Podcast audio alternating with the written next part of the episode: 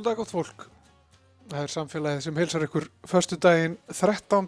januar og það eru Guðmundur Pálsson og Þórildur Ólafsdóttir sem eru umsjónamenn þáttarins í dag. Og við ætlum að vera með annan fótinn á vestfjörðum, nána tiltekið á Flateyri og við höfum komið okkur fyrir í bókabúðinni þar eða innaf bókabúðinni þar en svo búð er svo að vera elsta upprunalega verslun á Íslandi. Við ætlum að spjalla við kaupmannin Eithor Jóvinsson sem er langafa barn stopnanda verslunarinnar, bræðrana Eyjólfsson, meirum þá eftir. Við ætlum líka að ræða um tröll eða sérstaklega skessur, hvað er tákna, hvað merking þeirra er, byrtingamind þeirra. Það var nú einn skessa sem mætti á 13. hátið eigamanna fyrir viku síðan og samfélagið hefur rifist yfir því hvað þessi skessa stýtti síðan. Við ætlum að fá til okkar skessu sérfræðing, þjóðfræðingin Dagrun Ósk Jónsdóttur og ræði við hana um rasisma, kvennfyrirlitningu, vald, húmor og tröll. Við fáum svo til okkar eh, sérfræðing frá Hafrannsóknarstofnun sem lesi kvarnir til að aldurskreina fiska. Þetta er fyrir eitthvað flókið ferli en afskaplega forvitnilegt og það mun koma ykkur á óvar hvað sumir fiskar verða gamlir. Albjörg Jónsdóttir heitir sérfræðingurinn í dýraspjallinu í dag. En við ætlum að byrja hér í gömlu bókabúðinni á Flateri.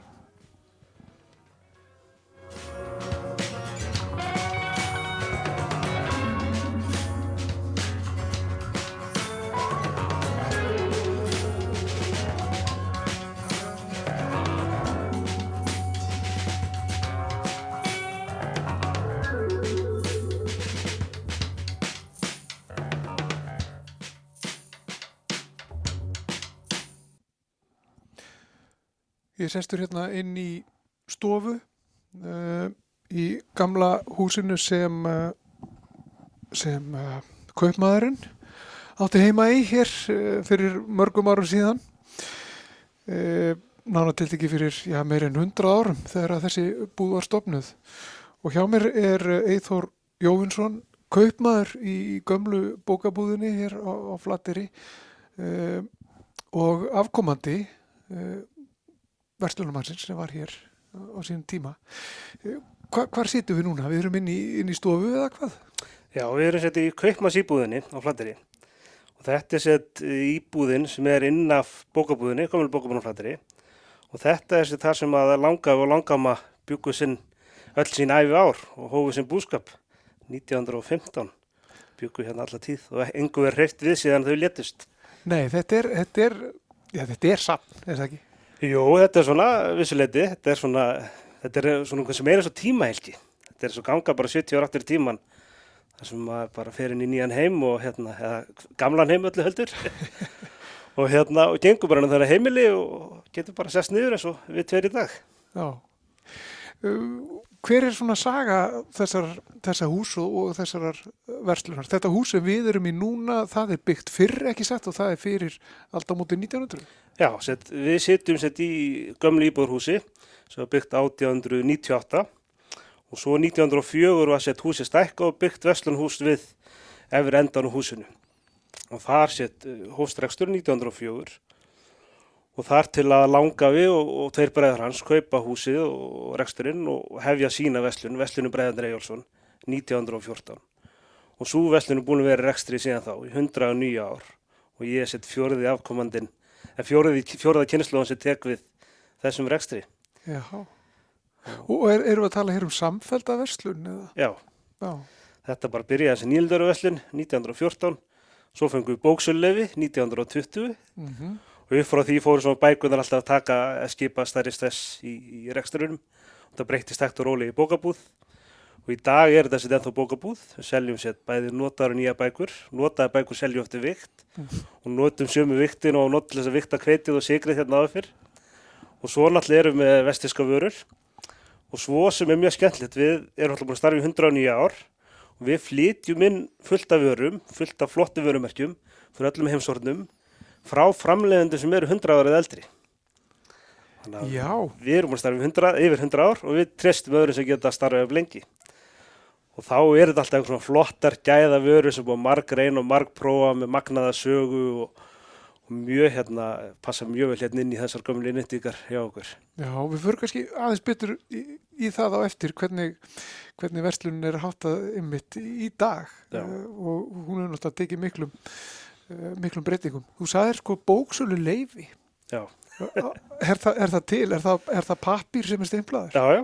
Og þú við- átt það til? Ég á það til og við eigum allt bókald vestlununa alveg frá upphafi, við eigum þessi vestlunulegi frá 1914 og svo hérna bóksöluleifið og öll heimsisleifið sem við höfum þurft í gegnum þessi 109 ár og svo þessu ekki eigum alla vestlun og bækurnar, allar kassabækur, allar vörubækur, allar byrðabækur, allar skuldunöndabækur, við getum sagt þér hvað búndi lagðin hvað mikið af vörum hérna og hvað hann veslaði mikið, þú veist, fyrir 100 árum.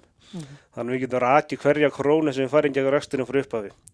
Allt saman handskrifað og handskrifum þetta daginn í dag, hverjum degi teljum við gesti og skrifum niður sölur. Já, það er ekkert öðru í sig. En þannig að þetta er sko þær heimildir sem að, sem að liggja hér í möppum og, og kössum og skúfum. Eh, er, þetta er dálítið mikil heimild bara um samfélagið hér á hverjum tíma eða hvað. Já, þetta er alltaf möggunni heimild. Það er alltaf bæði saga vestlunarinnar og líka bara saga þorpsins og samfélagsins í gegnum þessi rúm 100 ár. Og flatir er nú ekkert sérlega gamall bær í sjálfu sér. Þessi byrjar að byggjast upp sem þorp þessi upp úr 1850-70. Þannig við eigum nána sko sögu þorpsins eins og þekkjum við dag og senastu 100 ár hérna bara onni í pappakassum inn í veslun. Já. Þú sagði mér áðan sko að það, hér hefur ekki rópla við neinu Nei, eh, í, í íbúðinni. nei. Eh, Er það eitthvað sem að bara tekin ákvörunum að gera eða þróast það bara þannig? Hvernig, af, af hverju eru hér, sko bækurnar eru bara í þeirri röð sem þær voru hér í hillunum eh, inn í stofu. Já, akkurat. Sko þau flytjinn hérna 1915, búa sér heimili og svo deyr langa við 1950 og eftir það þá reyfir langa með ekki við neinu. En hún deyr ekki fyrir 83, sem 33 ára síðar. Þannig að hún bjóð hérna áfram í rúma þrjá áratí á þess að reyfi nokkru. Og svo þegar hún deyr, þá er henni einhvern bara heldur það áfram. Það er aldrei gengi frá hennar dánabúi. Og þetta er náttúrulega þannig byggt upp að þú kemst ekki inn í vestlunina nema lappi gegnum íbúðina. Þannig að meðan vestlunum var rekstri, að þá gati engi búið í íbúðinni. Þannig að það var ekki þetta að henda öll út og einhver flutt inn með nýja sjóðarpi sitt og, og hérna og svo gott við ekki vestlunni hinnum henda húsins. Þannig að hérna, þannig fyrir viki þá einhvern bara var aldrei gengið frá þessu, ákveðin fastelni, kannski smá leti og svo einhvern veginn, þú veist, þetta, ég man þegar ég var krakki, þú veist, það rafast upp hérna, þú veist, um milli 90 og 2000, þá var þetta mjög hallaræslegt, fyllt af einhverju gömlu drasli sem að, var mjög asnælegt og ekki búið að mála yfir vekkfóðurinn og allt mjög skrítið. En svo náttúrulega bara, þú veist, fyrst þetta lifið af þetta svona hallaræslega tímabil, að þá hérna verður þetta flott aftur, að fer allt í ringi og þá hérna ég, er þetta bara ómetalegt í dag og er líklega sko elsta varðvetta heimil á Íslandi í dag. Þú veist, við getum farið og fullt af söfnum þar sem búið að raða saman hlutum frá ykkur tímabili og, og búa til svona tilgáttu heimili. En hér er bara heimilið eins og var, eins og þróaðist í gegnum öldina og svo bara fröðst á ykkur í tímapunkti 1950 og hefur verið svo leið síðan, 73 ár. Og familisjórnalinn hér í hillunum innbundin í, í sko þygt leðurband. Já, það var alveg hérna, heiður sýritt og var langað við battið inn sko fyrir krakkana hérna í þorpinu, bæði bönni sín og aðra og svo láguð hérna um öll gólu og hérna voru að lesa og hérna hlæja á skrýtlunum og læra Já. dönsku. Já. Um, sko ef við veltum að, og hérna sé ég nú það, hér er lata, en ekki bílinn. Nei, lata saumavel. Já, Þannig að hún er ennþá Fótstigin. sínstöð, fótstíðin og virkar ennþá. er Og er hún bara þar sem hún hefur alltaf verið, þó var alltaf. Já, já, þetta er ekki ástæði, bara passa fínt þarna og ekki ástæði að breyta því rétt. Nei, já, nú ræk ég augun í lötuna og það, fippaðist aðeins, en við ætlum að, að hérna, ég ætla að spyrja aðeins út í, út í verslunareksturinn núna. Já, Þú selur eins og þú segir bækur eftir vikt, eldri bækur já, og svo ertu með svona ímsan fróðleik hérðan á vestfjörðum náttúrulega, bækur sem að fjalla um eitt og annað sem hefur gerst hér og sögur hérðan og, og sakfræði og allskins, allskins fróðleik. Um, en upp á síðkasti þá hefur verið svolítið að færa þig í vefverslun, ekki satt? jú. Sko það gerðist eins og margt í þessu blessa COVID-tífumbili að ég sá fram að það að okkar aðal tekjur voru að taka mútið ferðamönnum og selja ferðamönnum vörur á sumurinn og svo bara stóðum við fram með fyrir þeirri veruleika eins og margir aðrir að það var engir ferðamönnleðinni þannig að maður fór í smá panik ástand og fór að hugsa hvernig maður geti hérna, skapa eitthvað tekjur.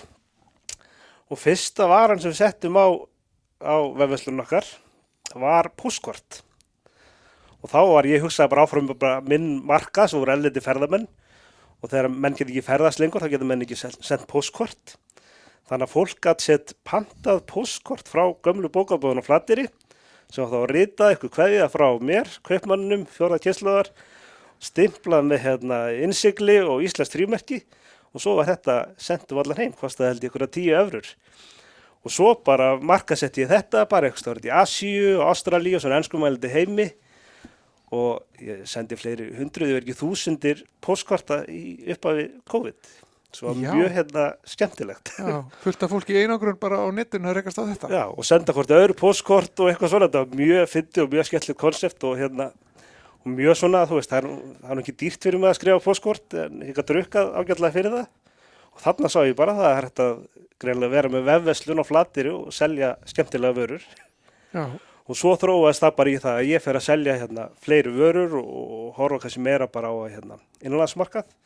Bara hvað hérna ég, hvað vörur hvað vörur alltaf fyrst og næst langar mig að selja, hvað vörur myndi ég vilja kaupa og hvað vörur passa hérna inn í gömlu bókabúðuna og fer svo og ger íslenska vefsíðu sem að hérna, vefveslun sem að hérna þar sem getur selt vörur út um allt. Og hún er í dag orðin bara hansi stór partur af okkar veldu, árleiri veldu og náttúrulega erum við þetta ferðamannatímabil sem hefur við sumarið og svo er bara vefveslunum, jólinn og, og öðrum tímum bara mjög öllu og mjög sterk og við erum hérna við erum ótrúlega gaman að geta verið með veslun á flatiri í algjöri einangrun búa hérna hvað 200 manns og kannski íllfært til okkar hérna, fyrir aðra mestmagnas árunu en hérna við getum sendt vöru frá okkur alveg í, í massavís og, og haldi reksturinn gangandi allt árið út af því að þegar fólk er að panta vörur að þá er að panta vöruna það er alveg saman hvort að veslunum sé á flatiri, New York eða Reykjavík já, þannig að þetta opnast alveg nýr heimur fyrir svona litla veslun sem búin að berjast í bökkum ansi lengi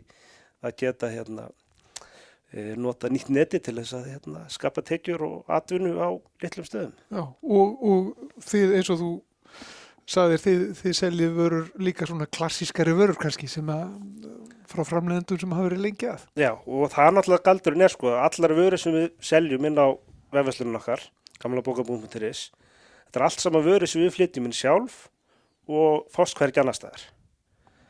Þannig að hérna, þannig að ef þú vilt kaupa þessu vörur í Íslandi af íslenskri veslun þá þarf þetta að fara í gegnum okkur, það er einhver aðra veslanu með þessar vörur. Þetta er allt svona, já, vörur frá framleiðendum sem er yfir 100 ára gamlir, gæða vörur og elstu framleiðendir eru allmest Trúton, það er fransku kjertaframleiðandi sem er sko, er að fagna 380 ára amal í ár. Já, það eru meira segja eldri en, en þið. Já, tölvögt eldri þess að. Þannig ég tók þetta maður saman sko hérna þessar svona 20 helstu vöru sem við erum að flytja hérna inn. Það samanlega sko starfsaldur þeirra er eitthvað á 3000 ár. Já, einmitt. Þannig að þetta er mikil saga og mikil gæð og smelt passar inn í svona gamla á flatiri. Já. Bara rétt í lokin, þi- þið eru líka að hugsa um að það ekki að fara að framleiða ykkar eigin vörur. Jú, og það er eitt af þessum opnast líka. Við náttúrulega sjáum það að, hérna, að nú getum við nota netið og nota þessa sögu og þetta hérna, orðspor sem Vestlunin hefur til þess að framlega okkar eigin vörur, gæðavörur og þá orðið þá sett á svona gamlum stað og seltum allan heim. Þannig að við erum að vinna því núna að, að, gera nýja vörulunni af hérna, stílabókum og skriffærum og ímsum sem að hérna, verður bara seltum allan heim. Já, einmitt það. Eithor Jóvinsson, kaupmaður hér í, í gömlu bókabúðun á Flatteri. Takk fyrir að taka á mót okkur eh, í samfélaginu. Gaman að- fá að heimsækja. Já, takk fyrir að koma.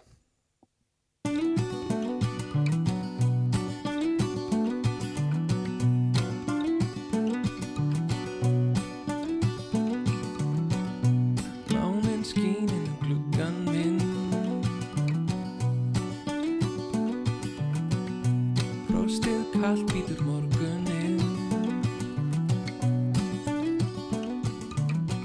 Á borði sullast kaffi tá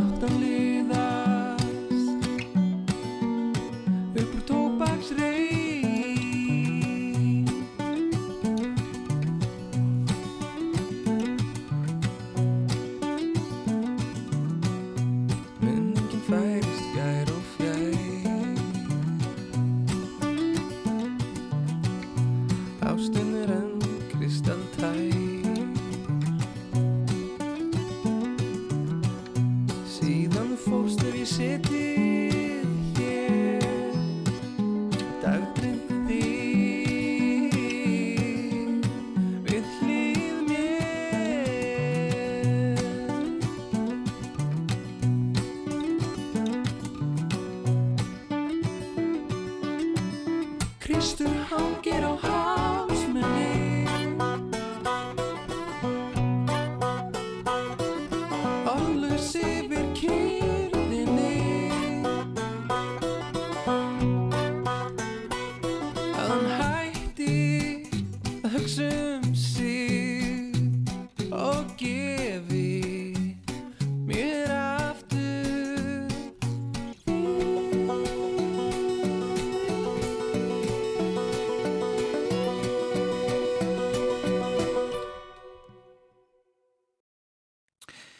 Hér fyrir viku síðan var 13. og í samfélagið kom þjóðfræðingur sem er sérfrjóð um uh, þau hátíðahöld og tímamót, sérstaklega þau sem fara fram í Vestmannegjum, en það er þar líklega einn magnaðasta 13. hátíð landsins. Súhátíð, 13. hátíðin í Vestmannegjum sem var haldið um kvöldið, rataði svo í fréttinnar. En það kom ekki til af góðu. Þetta falag var sett þarna í gerfi skessu, uppnefnd Etta Flag, Heimir Hallgrímsson um, í Arababúning sem coach Heimir og við hér höfum fylst með þessu spila sig í fjölmjölum deiluna um hvað eiginlega fór þarna fram, hvaða merkingu er hægt að setja í þessa 13. hefðir eigamanna og hvernig eiga fólk beitir þessum hefðum sínum.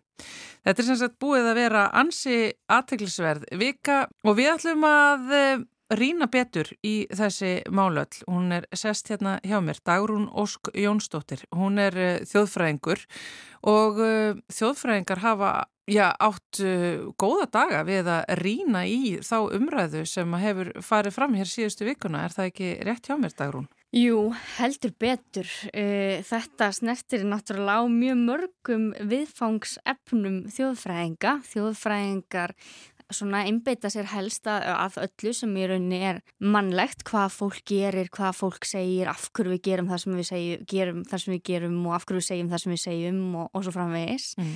Og þarna blandast saman hátíðar og hefðar um, og mitt húmórin og þessar hugmyndir um, um kyn og kyngerfi og þetta allt saman kemur þarna saman í einum hræri gröð. Já, þetta er náttúrulega verið mjög sársökafull umræða í tengslu við þennan 13. þarna í eigum fyrir uh, mjög marga og þetta hefur verið erfitt uh, og, og, og tölverðar deilur í gangi en, en svona faglega gómsætt uh, þá einhvern nátt fyrir einhver e, þjóðfræðinga og kannski sérstaklega þig vegna þess að þú ert þjóðfræðingur sem að sérhæfir þig í tröllum og skessum. Já, ymmit. E, þetta er búið að vera mjög áhugaverð umræð og eins og þú segir náttúrulega erfið líka fyrir marga e, og mjög flókin, þetta er alls ekki einföld umræða um þetta mál en ég er sem sagt, hefur ansakað tröll og tröllskessur sérstaklega gerði það í bíanáminu mínu í þjóðfræðim, þá skrifaði ég um mannátt og hérna í þjóðsum sem er helst undað af tröllskessum og svo er ég nýbúin að ljúka doktorsreitgerð um byrtingamind kvenna í íslenskum þjóðsögum almennt, þar sem ég kem líka aðeins inn á tröllskessunar þannig að ég er búin að vera að skoða kannski sérstaklega þessar tengingar eh, trölla við kvenleika, má segja. Já, og uh, af því að, að þarna var uh, skessa í gerfi já, helstu bartukonu Íslands, hvað var þar kynferðsofbeldi, ettu falag, útskýraðans fyrir okkur hvaða merkingu er sett í tröllskessur hér á Íslandi? Hvað eru tröllskessur fyrir okkur? Já, þetta er mjög góð spurning. E, tröllskessur, ég hugsa nú að hugmyndin hafi breyst í gegnum tíðina. Í íslensku þjóðsónum þá eru við með hérna, tröllin, þessi gífurlega stóru e, vætti eða verur sem oft tákna heið illa og það er ákveðið svona kvenna ríki líka, tröllskessur er yfirleitt træðilegur en tröllkallar og svona og körlum í þjóðsögum stöða var sérstök ógn af tröllskessum. Mm. Tröllskessur sem sagt ráðast frekar á karla heldur en, en konur. Uh, og það sem er áhugavert í þessu í sambandi við samtíman líka er þegar maður skoðar bara svona byrtingamind hvenna og einmitt þetta hlutverk hennar ettu sem okkar baráttu kona gegn kynbundna ábeldi er að konur líka í þjóðsónum sem að einhvern veginn stíga út fyrir ramman um það sem að er álitið vera hvenlegt á hverjum tíma fyrir sig sem er náttúrulega breytilegt eftir stað og stund og konur sem að þykja ógunna einhvern veginn samfélags skipulæginu eða samfélagsstruktúrnum þær verða oft yfirnáttúrulegar í sögum. Þær breytast í galdrakonur eða útilegumannakonur eða tröllskessur. Þannig að tröllskessur standa svolítið svona fyrir oft í sögnum konur sem að bróta niður okkar svona hefbundnu hugmyndir um hvað er kvenlegt og okna þannig einhvern veginn eh, samfélagsskipulæginu og náttúrulega valda tengslunum aðna á milli. Og það má þá í rauninni færa rauk fyrir því að það er nákvæmlega það sem Eddafalag gerir. Veist, hún oknar feðraveldinu, hún brítur niður einhverja svona samfélagsskipan sem að undir eh, skipar konur mm -hmm. og verður þar að leiðandi skessa í Já. samfélaginu en þegar svo pælingar síðan tekin og raungerð mm -hmm. eins og var gert þarna 13. gleðin í Vestmannum að þá er gengið og lágt. Já, það er náttúrulega stórmerkilegt að sjá þetta síðan byrtast svona raungerast einhvern veginn, byrtast bara fyrir framann af því að Emmitt, hún sannarlega eh, hefur haft mikil áhrif og svona sumir myndu segja, hún ógnaði einhvern veginn kannski hugmyndum okkar um eh, samfélagsskipulæginu og þessum valda tengslum Emmitt og færaveldinu Eh, en svo má líka spurja sig, þú veist, núna upplifum við mörg að þessu komin tími líka til þess já, já, að breyta já, þessu umræðu og þá, en, en svona allt sem að, alltaf þegar það verður breyting, þá kemur líka mótstaða við breytingu. Og það er eitthvað sem við sjáum gerast mjög oft. Og, og hún einmitt þarna er sett í þetta, byrtist þarna sem tröllskessan sem er rosalega áhugavert. Rínum aðeins í þessa tröllskessu sem að þarna byrtist og bara tröllin sem að komu fram í þessari 13. hátíð þeirra eigamanna. Eitt af því sem að maður tekur eftir að þau eru mörg hverju svona svört eða brún Mm -hmm. er varðandi svona þessar pælingar sem er, við höfum nýveriðurunni velt fyrir okkur varðandi svona blackface og, og, og, og uh, það hvernig við uh, byrtum litað fólk uh, í svona múndringum og umræðan varðandi öskudagin og allt þetta. Er það að gerast þarna?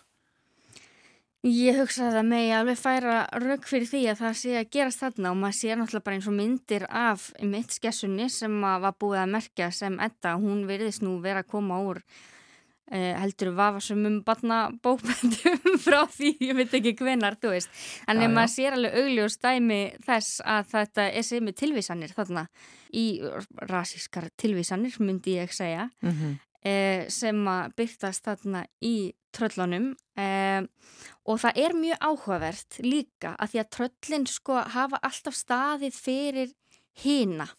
Þau eru einhvern veginn svona andstaðan við okkur, við hérna og hinir, þú veist, þá eru tröllin tilhera hinum hópnum eh, sem er þá svona eh, fjarlægar okkur og við setjum á alls konar hugmyndir.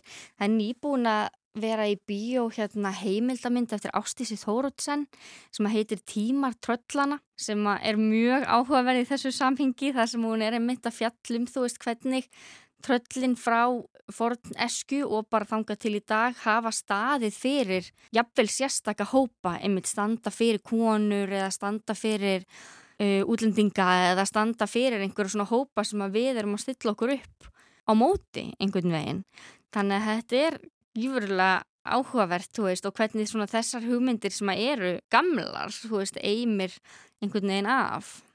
Já, og þá einmitt til dæmis eins og trölli sem að var Heimir Hallgrímsson sem var í arababúning og, og, og, og, dökta lit e, þá er rauninni sko eins og hefur verið bent á þetta er ekki e, skenn sem að beinist að heimi heldur að heilum menningarhópi. Já, einmitt, það, það er ekki verið að um, þannig verið að vísa í ákveðin hóp eða ákveðina stereotypu af ákveðnum hóp þegar hann er klættur upp í þessi född, þessi, þetta tröll í rauninni. E, og þetta er mjög áhugavert líka og þetta er allt bara gífurlega áhugavert þetta. það er bara svoleiðis. En eins og til dæmis að því að sko veist, Heimir segir að hann hafi ekki mókast yfir því að hafa verið eitt tröllið og það var einhvern veginn sagt bara okkur þar etta mókast að, að það er bara svo ólíku saman að jafna það þetta er bara allt öðruvísi nálgun, allt öðruvísi tilhetni til þess að þessi tvö eru sett þarna upp í, í, sem tröll. Já, það er náttúrulega, það skiptir alltaf svo gífurlega miklu máli samhengið og það er annað, annað samhengi sem að þau eru í rauninni sett í þessa tröllabúninga. E, heimir er þarna náttúrulega þjóðhetja í eigin Já, og er svona kannski ákveðin svona upplifting þar hugsunin, þú veist, eins og við veitum bara á þorrablóti, maður er gaman að láta leika sig á þorrablóti og eitthvað svona, byrtast í skaupinu og maður er búin að meika Já, já. það, já, já. Eh, og svona, þá er líka einhver sem er kannski uh, að því það er þekkist á svona hátíðum og í svona karnivölum og svona að það er gert grín að valdhöfunum. öllu snúið á kvolf Já, þau sem eru, þú veist, höfðu völdin, þau eru alltaf innu sett í einhvern svona búning og eitthvað svona. En svo erum við með eddu sem hefur ekki beinar tengingar. Hún er ekki reppstjóri eða Nei, við, og ekki beinar tengingar við Vestmannegar Nei. ekki svona valdhafi hefðbundnum skilningi þó að sumir upplifa ábyggil að hún hafi ákveði vald e, með sínum, sínum þáttum og því sem hún er að vinna að Mhm. e, en ekki, ekki valdhafi samt í, í hefðbundnum skilningi Já. og svo sjáum við það líka bara á þú veist uppnefninu að þar er, þegar hún er mert með orðunum etta flag, þú veist, þá er ekki verið að upphefja Nei. Einhvern þegar hann er settur í tröllabúning heldur er verið að hæðast að einhvern veginn. Já, en þannig að þetta er einmitt eh, sko allt öðruvísi pæling og húmor uh, heldur en byrtist í áramótasköpunu því að það er eitt sem að maður hefur heyrt úr eigum bara heyrðu, það var líka gert grína að ettu í, í áramótasköpunu en það hefur verið bent á nei, það hefur verið að gera grína köllunum sem eru hrættir við hana í áramótasköpunu en þið eru að gera grína henni af því að þið eru hrætti kallar þá Já, þetta er svona sjónarhóttnið einmitt, það skiptir svo miklu máli e, sjónarhóttnið og þetta er náttúrulega líka eitthvað sem er viðfangsefni í þjóðfræðinni, þar er verið að rannsaka húmor gífurlega mikið, þú veist, hver má segja og í hvaða samhengi og hvar og hvenar, þú veist, og allt þetta skiptir máli. Og hvernig er það sagt, hverju er verið að gera grínað eins og einmitt munurinn á áramótasköpinu og þessu þar sem er verið að gera grínað einmitt um, í áramótasköpinu þeim hópum sem að hérna gera grín að ettu í rauninni Já, að það fyrir svona ring Þetta fyrir margar ringi og þess vegna er einmitt, skilja einmitt að að bara út frá táktfræði og, og þjóðfræði og kynjafræði sé þetta eh, skemmtilegt að, að rýna í þetta mál allt saman. En úst, aðeins aftur af tröllunum, þínu sér sviði. Þau eru ókunnug, þau eru hættuleg, eh, sérstaklega mönnum, eh, þau eru eru svört og brún og stór og, og, og, og skelvileg og fyrir utan eh, öll kerfi og, og lög. Njóta tröll sammælis? Í þjóðsögum? Já. Nei, tröll eru hérna, þau eru einmitt, þau tilheyra hinnum og þau eru eins og segir fyrir utan öll okkar kerfi, þú veist, þau búa ekki heima á bæjónum, heldur í hinnu ókunnugu upp á fjöllunum, þú veist, í óbyggðunum, einhvern veginn þar búa þau og oft eru þau hérna nafnlaus líka. Já, einmitt. Þannig að þau eru ekki tengt beint inn í það kerfi okkar og tröll eru réttræp í þjóðsum hérna, þú veist, þannig að þau njóta sannlega ekki, ekki sammælis í þeim. En er þá komið, komið tilefni og er það þegar þú ferðar að rannsaka þessu þjóðfræðingur, viltu þá rétta hlut tröllana eða veist, hva, veist, er þú velviljuð eh, gagvar þessum jáðarsetta hópi veist, í samfélagi sem að er að reyna núna að vera inklúsífur, að við erum að reyna stunda engildingu, ættu við ekki að gera það þá líka gagvar tröllunum? Jú, ég myndi segja það e, og það er náttúrulega eins og ég var að segja áðan með hvernig tröllin hafa einhvern veginn staðið fyrir ímsa e, hópa og, og hvernig tröllskessur eru svona sterkar konur sem hafa ekki hérna e, fara gegn gegn hérna ríkjandi samfélagsreglum og yfirleitt mislukkast. Það fylgir nefnilega tröllasvonum líka þeim er refsað fyrir að bræða út af reglunum sko og, ja. og fyrir að vera ekki eins og fólk er flest heldur tröll en hérna þannig að já ég er með tröllunum í liði sko klálega þau eru gífurlega hérna e, áhugaverðir karakterar í þjóðsónum algjörlega og hérna. Það er svo mikið máttur í þeim og mikið náttúru tenging í þeim og, og allt þetta Já. Þau verða svona byrtingamind eh, lands sem að, hérna maður eh, heillast af og hræðist. Algjörlega, einmitt saminast í þeim, bæði hérna einmitt náttúran líka að því að þau verða náttúrulega búa hann upp í óbyðum og verða að steini þegar sólinn skín á þau og eru þannig einhvern veginn hluti af náttúrunni bara, eru svolítið svona dýrsleg og óhamin, grótesk, borða mannakjött til dæmis oft. Já. Þannig að þau eru gífurlega náttúrutengt og náttúrulega núna þegar við göngum um landslæðið og sjáum stóra kletta standa einhverstað reyna og það er tröll sem hefur orðið af steinið og minnir það manna eins á einhvern veginn. Já þessar sögur og stórfenglega náttúrunar og tröllana? Maður sér tröllin, jú, allstaðir í náttúrunni en líka á samfélagsmiðlunum mm -hmm. og mhm. það er nú annað sem hefur uh, verið ábyrjandi í þessari umræðu um 13. háttíðina í vestmanniðum. Það eru uh, sko nettröllin, kommentakerfin loga, gjörsanlega, uh, út af þessu máli.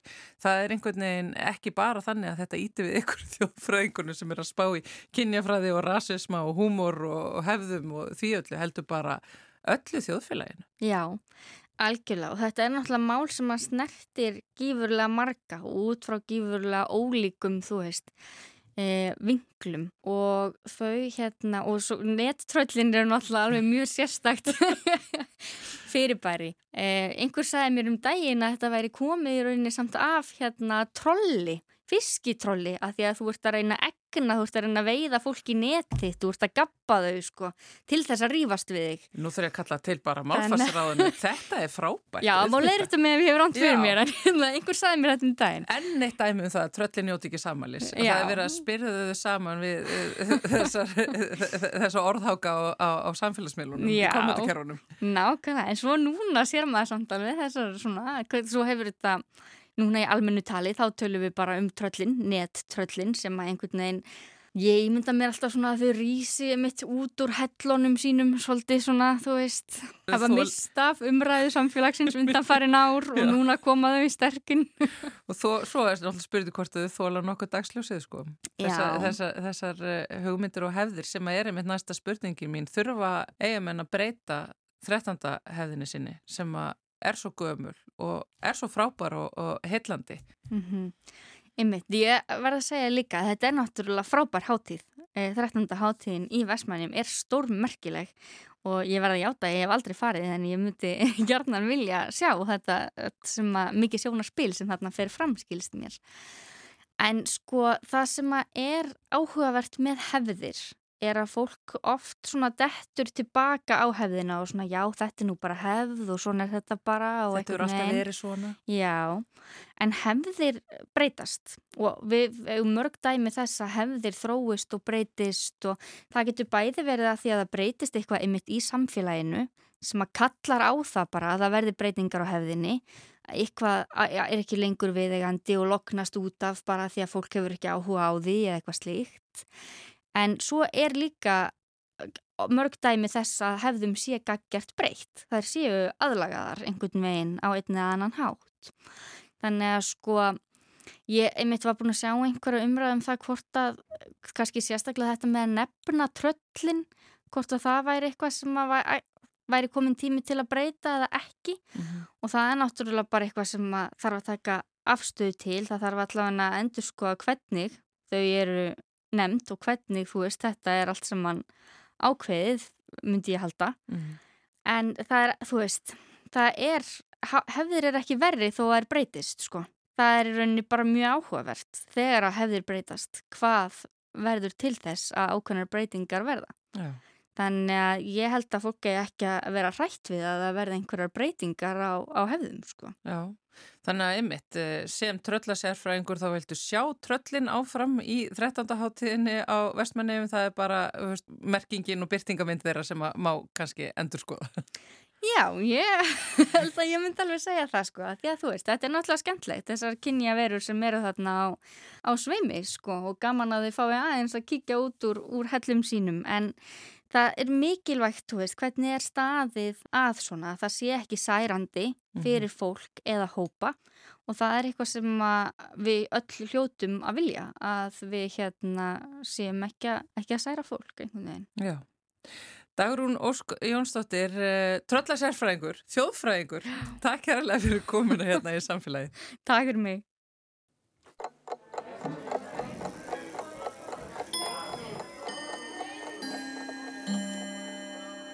Smáorðið ku er saman dregin eða styrnu mynd af hvað með kái af sögninni kveða í setningum eins og það ku vera og hún ku hafa nokkuð til síns máls. Í pistli um Íslenskt mál í tímanum 8. mars 1981 segir Otni Guðmustóttir frá breyttu tungutaki bladamann á almennings. Hún lýsir ofnótkunn á orðmyndinni ku. Breytinguna rekur hún til Haldur Slagsnes með þessum orðum. Svo kom Kiljan og sagði ku. Þá heldu bladamenn og aðrir enn minni spámenn að þeir getu líka nálgast fræðina svo litið með því að segja ku. Stundum dettur ykkurum í hug sjálfgeft og smellið orð sem honum þykir eiga við í það skiptið. Óðar grýpa bladamenn orðið á lofti og halda að þeir allstaðar við. Engum er voðin vís ef frægur maður lætur sér eitthvað óveinulegt um munn fara. Þetta litla orð ku sem eitt sinn var sögn á engöngu við um frumlag í eintölu. Hún, hann eða það ku hafa eitthvað til síns máls en ekki þær, þeir eða þau.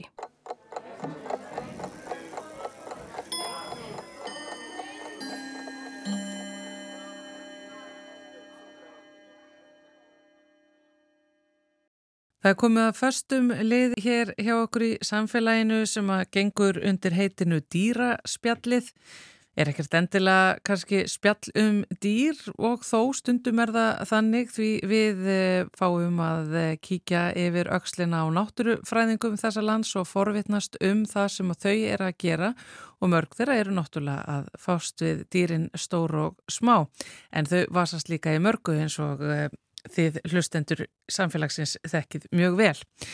Í dag ætlum við að ræða við Albjörgu Jónsdóttur. Hún er lífræðingur hjá Hafrannsórnastofnun og er sest hérna hjá okkur sælvertu. Já, sælblísið.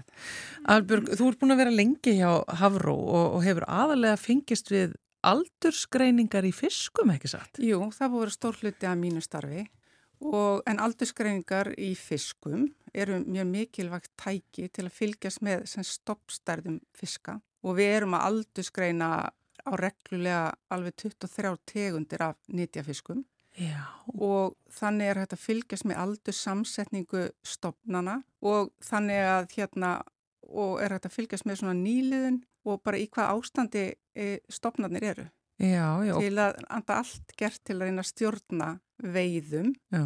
á sem sagt vitrannan og sjálfbæran hátt. Þetta er svona eins og þegar við skoðum aldursgreiningu þjóðarinnar út frá því hvað við þurfum að vera með mörg hjúgrunarheimili og mikið að leyskólum og svona þarfram til göttum til þess að já. sjá fyrir þjónustuna. Þetta er bara til þess að sjá fyrir mögulega veiðar. Já, þannig að við séum ekki að ganga á fyrstofnuna og veiða of mikið. Já. Þannig að þeir geti semst bara lent í krísu og semst þeir bara hætta á uh, bara þessuna útrýmingu.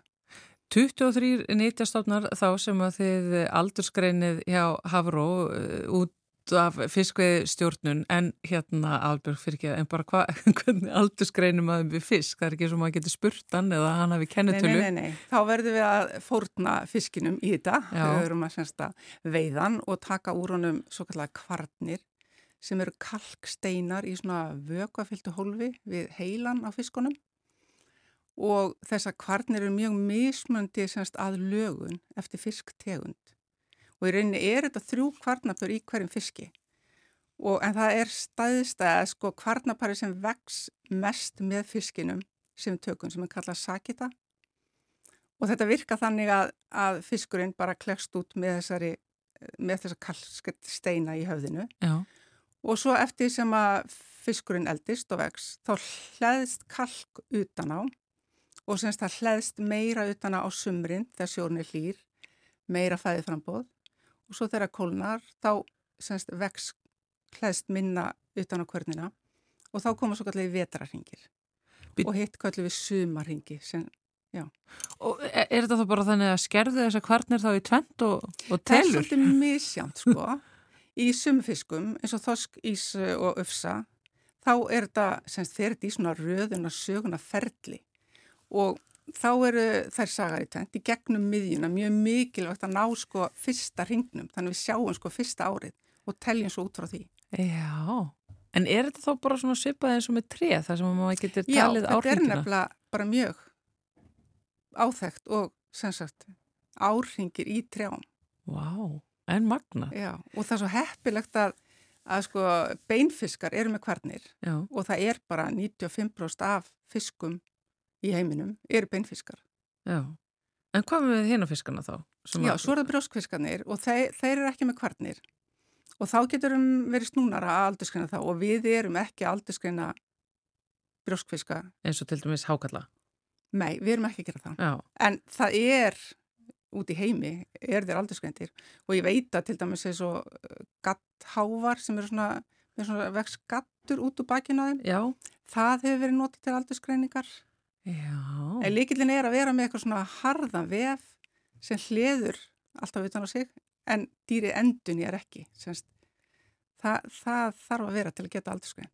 Er, er, þetta, er eitthvað svipað eins og þegar var deilt til dæmis mikið um aldursgreiningar í, í, í fólki í, hér á Íslandi fyrir nokkrum árum síðan og það var alltaf verið að kíkja í tennurnar. Já, Er það þannig vefur þá? já, algjörlega. En svo ég var um þetta að hugsa um þetta á leiðinni hingað, þú veist, með tennur til aldursgreiningar hjá fólki eins og Íslandi. Uh, sko við náttúrulega erum alltaf að borða jafn mikið hvort sem það er vetri eða sumar Já. og við erum okkur alltaf heitt eða þú veist, það er ekki eins og að sé eitthvað svona þannig að ég veit satt að sé ekki hvernig munstur myndast í tönnum eins og mönnum, ég ætla bara eiginlega að komast að því sko. Ég meina aftur sko, við erum að tala hér við sérfræðingi fiskum þannig og aldursgreiningi þeim. Já, þetta er bara svona forvitnilegt Já, sko. þetta er forvitinlegt, svona að samanbörðurinn. Þannig að alla nýttetegundir okkar sem að við erum að aldursgreina eru þá með þessum kvörnum og, og, og það eru svona alls konar aðferður og leiðir sem þú ferð þá til þess að aldursgreina þetta já, hjá þeim og, og hérna, þetta er, ég get alveg ímyndað mér að þetta sé full vinna. Eru þið þá bara að veist, ná í þessi, þessa fiska bara í, í röllunum ykkar, röllunum í, ykkar? í röllunum Í okkar, röllunum? já, meðal annars og svo förum við í svona sínatökur í landi þannig að við tökum sko úr abla sem sjómennir okkar er að veiða Já, og við erum með svona kerfi sem við kallum sín og þá hérna e, bara á hafnarvógunum þar sem að, fiskiskipin sérst landa aflan sínum þá er haldið að utanum hvað er verið að veiða mikið að hverju tegund í hvert veiðafæri og svo þegar komið ykkur ákveðin tonnafjöldi sem er fyrirfram ákveðin Já. þá fá við beðinni um að það þarf að taka síni úr þessar fyrsttegund úr ykkur ákveðin veiðafæri Já, og það, og það er við erum með útibú um landi sem að eru semst að vinna í þessu. Að semst að taka síni úr hinnum ímsu tegundum og, og það er líka stór hlutaði sem við aldursgreinum. Sko, þá fer maður eiginlega bara að hugsa um hvað verða þessar helstu nýtjategundur okkar gamlar? Já, það er til dæmis svo þoskurinn, hann, hann er svo nummer eitt hjá okkur sko, allir fiskarnir okkar eiga sína tegund, tegundanúmer sem sagt og þoskurinn er aðal, hann er nummer eitt og hann getur orðið alveg yfir 20 ára gammal. Nei, Jú, jú. Hvað ert að segja? Við erum ekkit ofta að fá svona gamla þoska en þú veist ofta, ég er svo að sko að þú veist þeir verða svona 8, 9, 10, 11, 12 og svo alveg og svo erum við alltaf að fá einn og einn sem eru um 20. 20 ára gamla þorskar, Já. eru þeir þá alveg rosa stórið Já, eða verða þeir hrumir og gráir eða? Nei, þeir nefnilega sko maður sér ekkert að séu eitthvað ellilegir, þú veist þeir líta vel út og eru bara stórir og oft svona miklir um sig Já. en hérna En þetta er alveg gott, gott til kjöt til áttu eða? Veist, Já, sko það verður náttúrulega fiskurinn verður svolítið grófur kannski, svona grófvari. Já, já. Eins og þegar ég er að velja mér í svoðið þegar ég er út að sjó, þá tek ég ekki þessa stærstu, ég myndi fyrir ekki að taka 70-80 cm. Já, já, upp á, upp á að fá aðeins svona Já, mikra kjöt. fítna, já, ekki Já. svona eins grófan fisk. Já, þannig að þessi gömlu stóru gólþorskar eru aðeins grófari svona undir tönn. Fínir saltfisk. Fínir saltfisk, auðvitað. Þeir voru náttúrulega mjög vinsalir í það. Já, algjörlega. Þessi guli stóri. Já, Já. En hvað með fleiri tegundir? Nú er ég orðin mjög forvitin. Já. Ef þorskurinn getur orðið svona gamall, er einhver Já. annar þarna aldurs hérna svona uh, mistari þarna úti? já, sko við erum með karfa. Þeir eh, verða bara geta orðið 50 ára gamlir. Nei! Jú, jú. Og hérna, og þeir eru, það er mjög erfitt að aldursgreina þá. Akkur. af því að það er einhvern veginn svo óskýrir ringirnir og verður gamall og hérna og já, og það eru bara svona, það er ekki mjög skýrir árringir í karfanum. En karfakvarnir eru brotnar og svo brendar og lesnar svo undir viðsjá, þetta er allt lesið undir viðsjá. Já, allt er læg. En svo erum við með, við erum alveg mörg sem erum aldurslesa og við erum með svona sérfræðinga fyrir hverja tegund sem er orðin mjög vanir að lesa sína tegund. Og svo svona, jú, berum við sama bækur okkar líka stundum og líka við fólk erlendi sem er að lesa líka kvarnir. Já. Þannig að það, ég meina, hver er þá þín sérafing? Hver, er þinn fiskur? Sko ég hef verið hérna í mikið í flatfiskum eins og langlúru, skarkóla, Mm, bestu fiskarnir? finnst þið það? Já, skarkóli er frábær. Já, já, þessi flatfiskar eru margir með ofsalega eh, skemmtilegt og gott kjöt. Fyrir já. ekki er alltaf að hugsa með mat. Já, já, já, En við erum að tala um-. Já, já, auðvitað. En hvað verða til dæmis eins og kólar, skarkólika Já, það, þeir geta orð, þeir verða nú ekki kannski 20 en svona alveg 16. Mm. Já, já. Já, það Og þessar kvarnir eru við að lesa bara heilar. Við sem sprjóta er ekki, heldur getur maður sko, þær eru svona, uh, svolítið svona flatari og maður getur séð í gegna þær með að láta liggi vökva. Já, Þá getur maður bara sett þær undir vísjána og, og séð semst hringina bara með því að horfa beint ón á kvörnina. já. Þannig að þetta eru ekki svona eh, þessa tegundir sem að þú ert að þá sér, uh, sérhæðust ég að lesa. eh, Þú ert ekki að telja upp í mjög háar tölur Nei, nei. En það. svo aftur móti eins og til dæmis skarkólu og langlúra sem er ekkit óáþekkar tegundir. Mm. þá er sko mjög auðvelt að lesa skarkóla miða við, margt annað, en eins og langlúran sem er líka flatfiskur, Mm mjög erfitt að lesa hana, bara mjög óskýri hringið, hún er einhvern veginn þykkari og þannig og svo he- hefur bara hver sín, eh, semst hver tegund svona sína, sín enginni og oft, uh, já, bara eitthvað skona vandamál, þú veist, sérstilla kannski fyrsta árið, erfitt að lesa kantinn, þetta er svona, þetta er alls konar pælingar ekki mikil tækni, sko. Já, já, Nú skil ég betur okkur þú hefur verið lengi í þessu þegar maður verður betur og betur í þessu eftir því sem að maður gerir þetta oftar. já, þetta er mjög mikið sérþjálfun í þessu og við getum ekkert bara kift hverjum sem er í aldurslest. Nei, ég get ekki komið í aldursgreiningar bara hjá okkur. Nei, þú verður að æfa því marga mánuði fyrst, sko. Algjörlega, en svo er þetta eins og margt annað, þá erum við að gæla núna við sem sagt gerfigrind í sambandi við aldurslestur. Já, auðvitað. Við vorum með í sumar, þá vorum við tvo nema sem að fengu styrk til að skoða þetta frá HÍ, semst nemar frá HÍ og, og þetta er mjög spennandi að, að spá í þetta. Og þá var hægt að létta aldurslesturum, semst lesur um lífið. Já. og, og semst þá minka kannski magni sem að væri lesið af mannsauganu en það er alltaf eitthvað að fylgjast með. Já, og það þarf náttúrulega að kenna gerfigreindinni að gera þetta já, og það byggist á að eiga myndir af kvörnunum. Þannig að núna er svona, já, daldi áherslu eh, frammundan í því að reyna að mynda sem mest af kvörnum. já, þannig að það, til þess bara í framtíðinu að þá, Já, að geta kent gerfigreindinni semst að lesa af myndunum og þá jáfnvel, áður en ég hætti að vinna, verður komin, já, bara tölfur sem að kannski gera þetta meira en minna. Já. Er það ekki samt, að, ég veit það ekki, finnst þér að vera eitthvað sorglegt að, að hérna vita til þess? Mér finnst það rosalega gleðilegt. Af því að þá myndi vinna náttúrulega bara breytast og það er náttúrulega erfið og þreytandi vinna að vera mikið í viðsjá.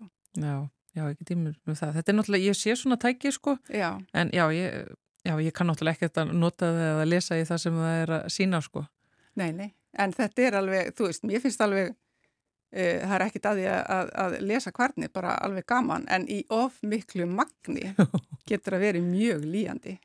Sko, ef þú talar um þetta um að það í framtíðinu mögulega mun gerfugreindin koma til með að aldursgreina fiska og lesa í, í, í þetta, Já. er, er, er mikil framþróun í tækninni eða í, hefur verið mikil framþróun í aldursgreininga lestrinum, ynga til eða? Nei, ekki hinga til. Sko, við erum búin að vera að lesa kvarnir á Íslandi í bara 100 ár. Við eigum kvarnir nýra á Hafró bara sem eru frá 1900 og bara um 1903-05 eða eitthvað svo leiðis. Já, wow. Við eigum risa kvarnasafn. Af því að svo er þetta þannig að kvarnirnar, sko, þær geima svo vel. Þetta eru bara þetta eru bara svona kalksteinar og þær breytast ekkert. Þannig að við lítum líka þannig á þetta sé sko, þetta er ákveðin verðmætt að eiga þetta vegna þess að það er ekki bara eftir að lesa aldur úr þeim, heldur líka sumir hafa verið að skoða bara efnarsamsetningar í kvörnum og svo líka, þú veist, hvað vaksa er mikið og þá er hægt að eh, skoða svolítið, þú veist, skilirinn í sjónum og það er hægt að gera alveg aftur í tíman af því að kvarnindar eru bara eins og þær voru þegar þær komu úr fiskinum.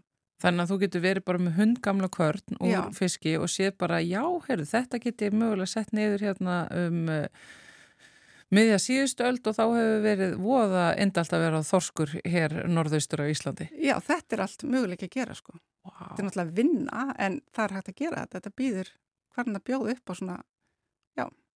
Og svo er líka sem að hérna það var ein sem er að vinna hjá okkur núna reyndar. Hún semst var komið kvartni fyrir nokkrum árum til okkar sem voru sko, þú veist bara þoskar sem hafi verið að vera, verið að bara elda til matar, svona þoskhausa fyrir bara mjög lengur síðan. Ég man ekki eins og hvað er langt síðan sko.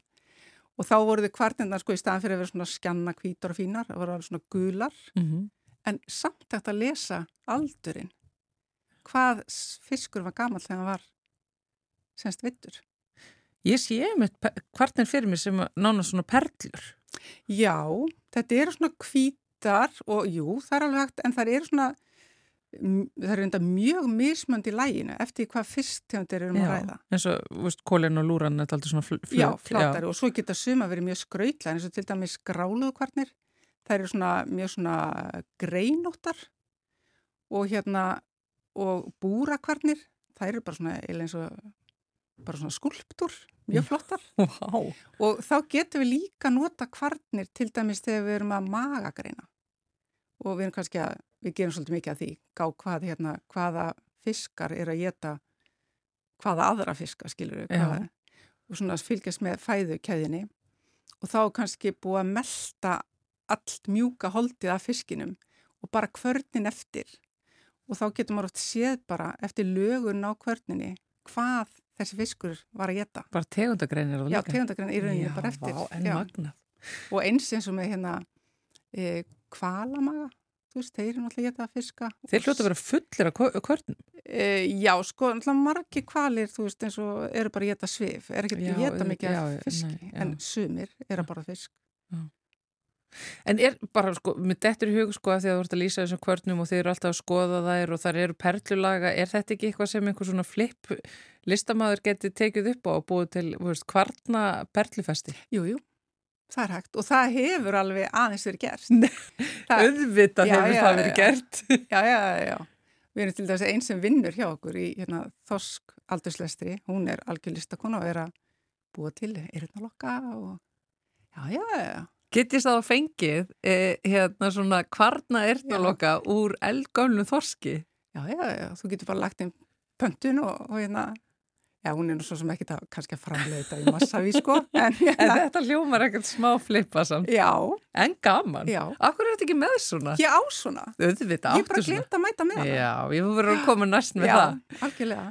Albjörg, sko, þú ert búin að vera aldursgreina lengi, ætlar að gera það bara þar til yfir líkur, er þetta bara, er þetta þitt passjón?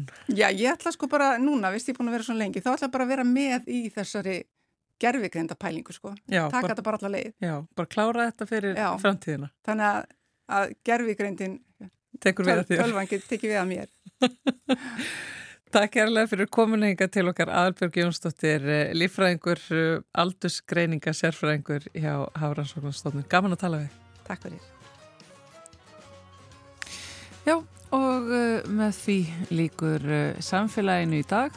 Já, í dag og þessa vikuna, það er förstu dagur helgi framundan. Njótið hennar, kæra hlustendur, við verðum aftur með ykkur hér eftir helgi á mánudaginn klukkan eitt. Þanga til, verðið sæl.